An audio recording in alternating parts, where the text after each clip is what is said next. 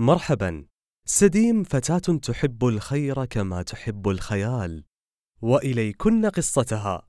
سديم طالبة متميزة وشغوفة بقصص الخيال وعمرها عشر سنوات. تتعرض لاختبار صعب مع نفسها وزميلاتها في الصف وصديقاتها. اختبار قد تتعرض له أي واحدة منكن. حسنا لنبدأ الحكاية. في بداية العام الدراسي وبينما سديم وجميع الطالبات جالسات في الفصل. دخلت عليهن المعلمة فاطمة ومعها طالبة لا يعرفنها من قبل لكنهن عرفن جمالها من أول نظرة وأخذن يتأملن تسريحة شعرها المصفوف كالأميرات. ولم ينتبهن إلا على صوت المعلمة وهي تقول هذه مرام زميلتكن الجديدة في الفصل. وطلبت المعلمة من مرام الجلوس بجانب سديم. وبعد انتهاء الحصة دار بين الاثنتين الحوار التالي. سعيدة بجلوسك بجانبي يا مرام. أنا سديم زميلاتي يلقبنني حكاوية الصف. لأني أنسج حكايات من خيالي تعجبهن. هل تودين أن أحكي لك واحدة منها في الفسحة؟ لا شكرا. هكذا أجابت مرام بنبرة حادة. قالت سديم وقد بدا الضيق على وجهها. كما تشائين. جمعت مرام في أيام قليلة عددا من الصديقات حولها.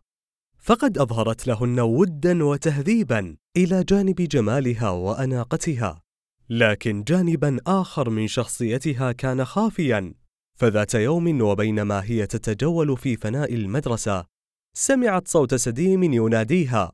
تعالي وانضمي لصديقتي كي تسمعي هذه الحكاية فتصرفت مرام بلؤم فاجأ الجميع عندما تجاهلت دعوة سديم وتوجهت بنظرها ناحية الطالبات المتحلقات حولها ورفعت صوتها في وجوههن قائلة كيف تستمعن لهذه التفاهات المضحكة؟ خيم الصمت على الطالبات عدا واحدة اسمها سمية تصدت لمرام بحزم أعجب سديم ودار بينهما حوار قصير.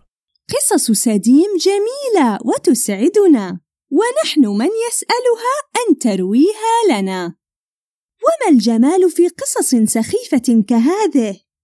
سديم تعتقد أنكن لا تفهمن شيئا وتسرد لكن حكاياتها لتنال اهتمامكن ولكي تصير قائدة عليكن ولتستأثر بمحبة المعلمات أيضا. لكننا نحبها والمعلمات أيضا يحببنها. أنا فقط أنبهكن كي لا تستمر في خداعكن. أصبحت سديم تعاني من مضايقات مرام. وفي ذات الوقت لاحظت أن صديقاتها صرن يرفضن دعواتها لتناول الفطور معا وللاستماع إلى قصصها الجديدة. ومع مرور الأيام لم تعد سديم تطيق هذه العزلة في المدرسة. فقررت مواجهة صديقاتها اللاتي أصبحن يتجنبنها لكي تعرف سبب هذا الجفاء وعلى الفور توجهت سديم نحوهن فألقت عليهن تحية الصباح لكنهن لم يجبن فألحقت التحية بسؤال ما خطبكن؟ هل أخطأت في حقكن؟ ولم يجبن أيضا لكن سديم لم تستسلم فحاصرتهن بنظراتها حتى خرجت منهن بالاعتراف التالي. نعم. نحن لا نريد أن نجلس مع مخادعة مثلك. إنك تجمعيننا حولك حتى تحظي بتقدير المعلمات وكي تنصبي نفسك قائدة علينا. نزل كلامهن كالصاعقة على سديم ولم تستطع الدفاع عن نفسها ولو بكلمة واحدة من هول المفاجأة.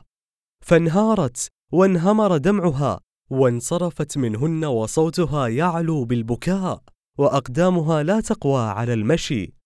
تبدل حال سديم من طالبة متميزة إلى مهملة ولم تعد تتحمس للذهاب إلى المدرسة. وانخفض تركيزها في الحصص وانعدمت رغبتها في كسب صديقات جديدات وباتت منزوية لوحدها في المدرسة وحتى في البيت. وفقدت رغبتها في الأكل والشرب بل وتخلت عن شغفها الكبير تأليف القصص وروايتها. انتبهت والدة سديم لهذا التغير في ابنتها العزيزة وظلت تلاحقها بالأسئلة حتى عرفت كل شيء. أحست سديم براحة شديدة بعد أن حكت لأمها وارتاحت أكثر عندما اقترحت عليها أن تحكي مشكلتها للمعلمة فاطمة. كي تتدخل لحلها. بعد أن علمت المعلمة بالمشكلة، جمعت جميع الأطراف، سديم ومرام والصديقات، وسألت الصديقات: لماذا ابتعدتن عن سديم؟ فأجبن بمثل ما أجبن به على سديم عندما واجهتهن، وقلن إن مرام هي من نبهتهن لهذا الأمر. فبدأت المعلمة بكل هدوء وذكاء تسأل الصديقات عدة أسئلة. منذ متى تعرفن سديم؟ فأجبن منذ الصف الأول. وكيف كانت تتصرف إن طلبتن مساعدتها؟ فأجبن. سديم كريمة سديم لا تتأخر عنا. سديم لا تقصر معنا. سديم تقاسمنا طعامها وحكاياتها. من يعرفها أكثر أنتن أم مرام؟ فقلنا نحن.